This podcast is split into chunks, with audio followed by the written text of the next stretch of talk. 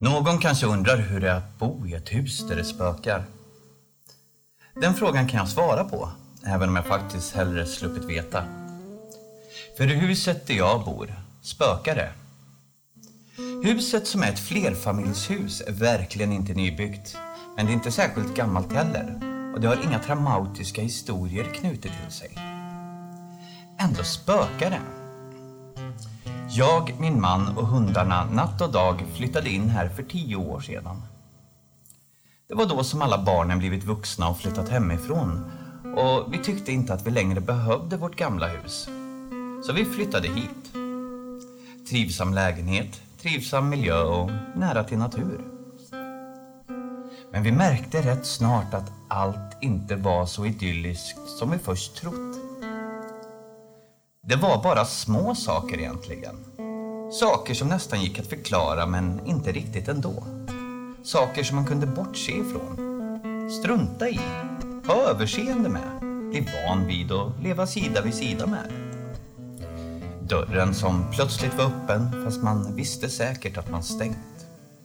Eller dörren som plötsligt var helt omöjlig att öppna fast det inte var något fel på den. Skramlet av porslin från köket fast ingen var där. Elektronik som krånglade på ett ytterst märkligt sätt. Saker som försvann och dök upp igen på helt andra ställen. Sådana saker. Någon undrar kanske om vi blev rädda. Nej, vi blev inte det. För det var sådana saker som man ändå kan övertyga sig själv om att man inbillar sig fast man innerst inne vet. Sådant som skulle ha en helt naturlig förklaring om det inte vore för vi lurade oss själva och därför blev vi inte heller rädda. Kanske var det orsaken till att det eskalerade. För det gjorde det nämligen. Konstigare saker hände. Ett köksskåp med spärrade luckor öppnades och porslinet på halva hyllan for i golvet med en skräll av ingen anledning alls. Köksfönstret gick i tusen bitar med buller och bång när jag satt bredvid och talade i telefon med vår dotter. Vilket fick henne att skrika Mamma, mamma vad händer? Hon blev rädd förstås. Som tur var föll allt glas utåt och jag fick inte en enda flisa på mig. Hundarna började bete sig märkligt ibland. Särskilt Natt. Natt är stor och stark, snäll och trygg. Han kunde sätta sig mitt på golvet titta upp mot någon som inte fanns där, räcka vacker tass och vifta glatt på svansen. Åt ingen alls. Åtminstone ingen som vi såg. Dag som är liten men lugn och sansad blev vid ett flertal tillfällen rädd för något som vi inte heller kunde förstå. Vi såg ingenting, hörde ingenting. Men Dag blev rädd. En gång skulle jag prova en sådan där sömnapp, ni vet. En sådan där som spelar in när man pratar i sömnen eller så. Jag vet med mig att jag pratar i sömnen och min man gör också det, även om han vägrar erkänna det. Så jag tyckte att det kunde vara värt att prova. Eh, vid det tillfället hade jag ingen annan tanke än att överbevisa min man och såg det som en kul grej. Ingen av oss pratade i sömnen just den natten. Men jag gjorde ändå aldrig om det. Då och då under natten hördes nämligen helt andra ljud när jag lyssnade på inspelningen dagen efter. Steg och det lät som att tunga möbler flyttades omkring och ett slags ganska obehagligt grymtande. Det var svårt att hitta en vettig förklaring till det. Så därför slutade vi att grubbla över det helt enkelt. Någon undrar kanske om vi var rädda nu då? Nej, inte nu heller. Vi började ju undra om det var så att det faktiskt spökade. För det började bli svårt att hitta rimliga och logiska förklaringar till alla de här konstigheter som hela tiden pågick runt omkring oss. Men än var vi inte rädda. Tiden gick, dagar passerade, veckor, månader och år fyllda av sådana här händelser i olika varianter. Det slutade inte. Det blev inte bättre eller värre, utan det bara liksom fortsatte på samma sätt. Vi blev inte rädda. Vi konstaterade att det måste spöka, men vi blev inte rädda. Utan vi vande oss helt enkelt. Vi blev så vana att vi till slut bara suckade uppgivet. Ibland sa vi till och med ifrån. Ja, men nu får ni väl lägga av. Det hjälpte lite. Så att därefter följde en lite lugnare period. Vi lärde oss att leva med det. Tills en morgon. Jag var uppe tidigt som vanligt och fick för mig att jag skulle dricka mitt morgonkaffe i solen på balkongen. Så med kaffemuggen i ena handen och mina glasögon i den andra gick jag från köket till vardagsrummet och tvärstannade direkt. På ena långväggen har vi ett antal tavlor upphängda. Det föreställer lite av varje. Det är inget särskilt med dem för någon annan än oss. Men det är mycket precis och exakt upphängda. Det är till exempel exakt lika långt mellan dem. Och de är upphängda i formation så att det blir ett fyrkantigt tomrum i mitten. Människor som är här och hälsar på brukar kommentera det här. Hur exakt rakt de hänger och hur fint det blir då och så vidare. Men den här morgonen såg det inte längre ut som det brukade. En av tavlorna hade flyttats ungefär en decimeter inåt det fyrkantiga tomrummet i mitten. En decimeter är ganska mycket när allt runt omkring är så exakt. Så jag såg det genast och gick fram för att titta närmare på det hela. Jag ville försöka lista ut hur det där hade gått till. Så jag undersökte tavlan, upphängningsanordningen på baksidan av tavlan, väggen och spiken.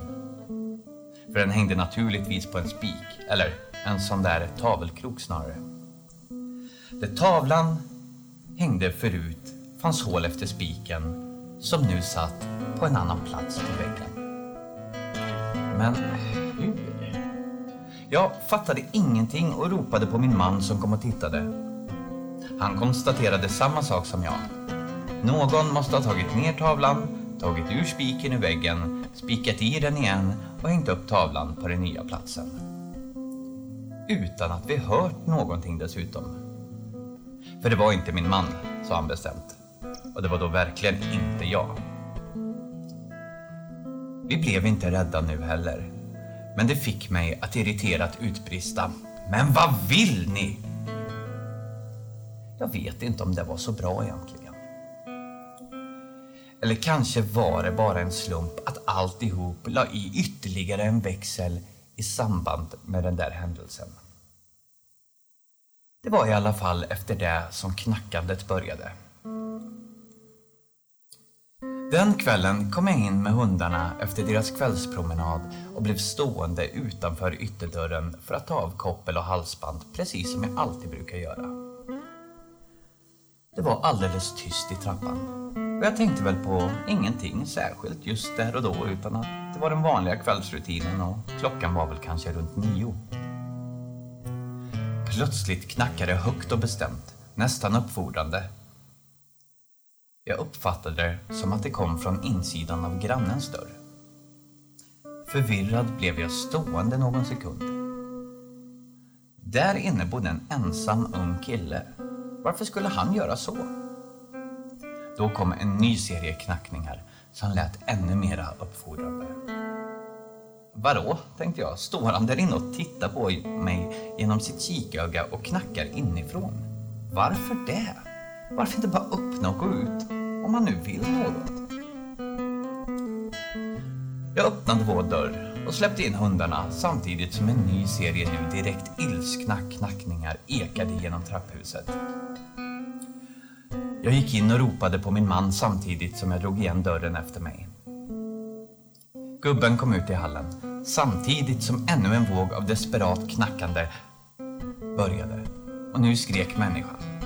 Ett långt utdraget vrål som lät som någon i dödsångest. Vad fan, sa min man. Vad är det som händer? Varifrån kommer det? Grannen, sa jag. Det måste ju ha hänt någonting. Gå dit och se om du kan hjälpa till. Så fort min man öppnade dörren blev det tyst. Inget skrik, Inga knackningar. Bara tyst. Olycksbådande tyst. Innan vi hann säga någonting öppnades grannens dörr och han som bodde där kom ut i trappan. Behöver du hjälp? frågade jag och min man i munnen på varandra. Eh, jag tänkte precis fråga er detsamma, svarade grannen. Det visade sig att han var lika säker på att knackandet och skriket kom från oss som jag var på att det kom från honom. Vi stod en stund och pratade förvirrat om varifrån ljuden kom. Men eftersom det var tyst nu gick var och en till slut in till sig. Men vi hann bara precis in och stänga dörren så ekade knackningarna igen och skriken. Usch! De utdragna, plågande skriken. Det var så fyllda av ångest och smärta. Någon måste vara i riktig knipa någonstans. Men var? Och varför inte bara öppna dörren och be om hjälp? Både vi och grannen skyndade ut i trappan igen, bara för att åter mötas av tystnad. Nu ringer jag polisen, sa jag. Någon behöver hjälp, det hör man ju. Så det gjorde jag. Jag ringde 112 till och med och förklarade vad som hänt. Under tiden vi väntade på dem pågick knackandet och det fruktansvärda skrikandet. Men eftersom det tystnade så fort vi kom ut i trappan lyckades vi aldrig lista ut varifrån det kom. Det kom tre polisbilar och en ambulans. Polisen gick runt i alla boenden och knackade på, men hittade ingenting. Alla mådde bra, ingen hade hört några skrik eller knackningar.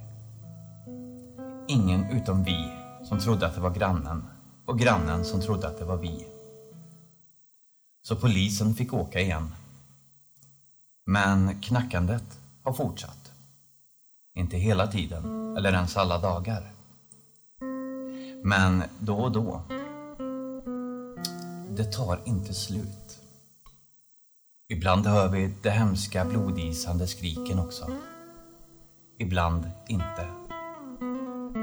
Och vi vet inte hur det kan komma sig att det bara är vi och grannen som kan höra det.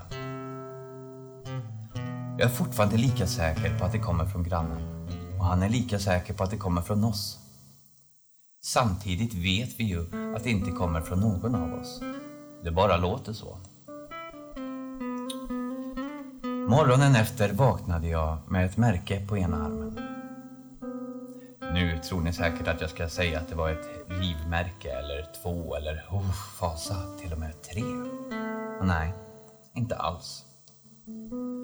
Utan det var ett sorts blåmärke som tydligt och klart formade den romerska siffran för sex. Vi. Jag vet inte vad allt det här betyder eller vad mer som kommer att hända. Men det har gjort att jag inte skrivit ner saker och ting förrän nu. Någon undrar kanske om jag är rädd. Svaret är ja. Nu är jag rädd.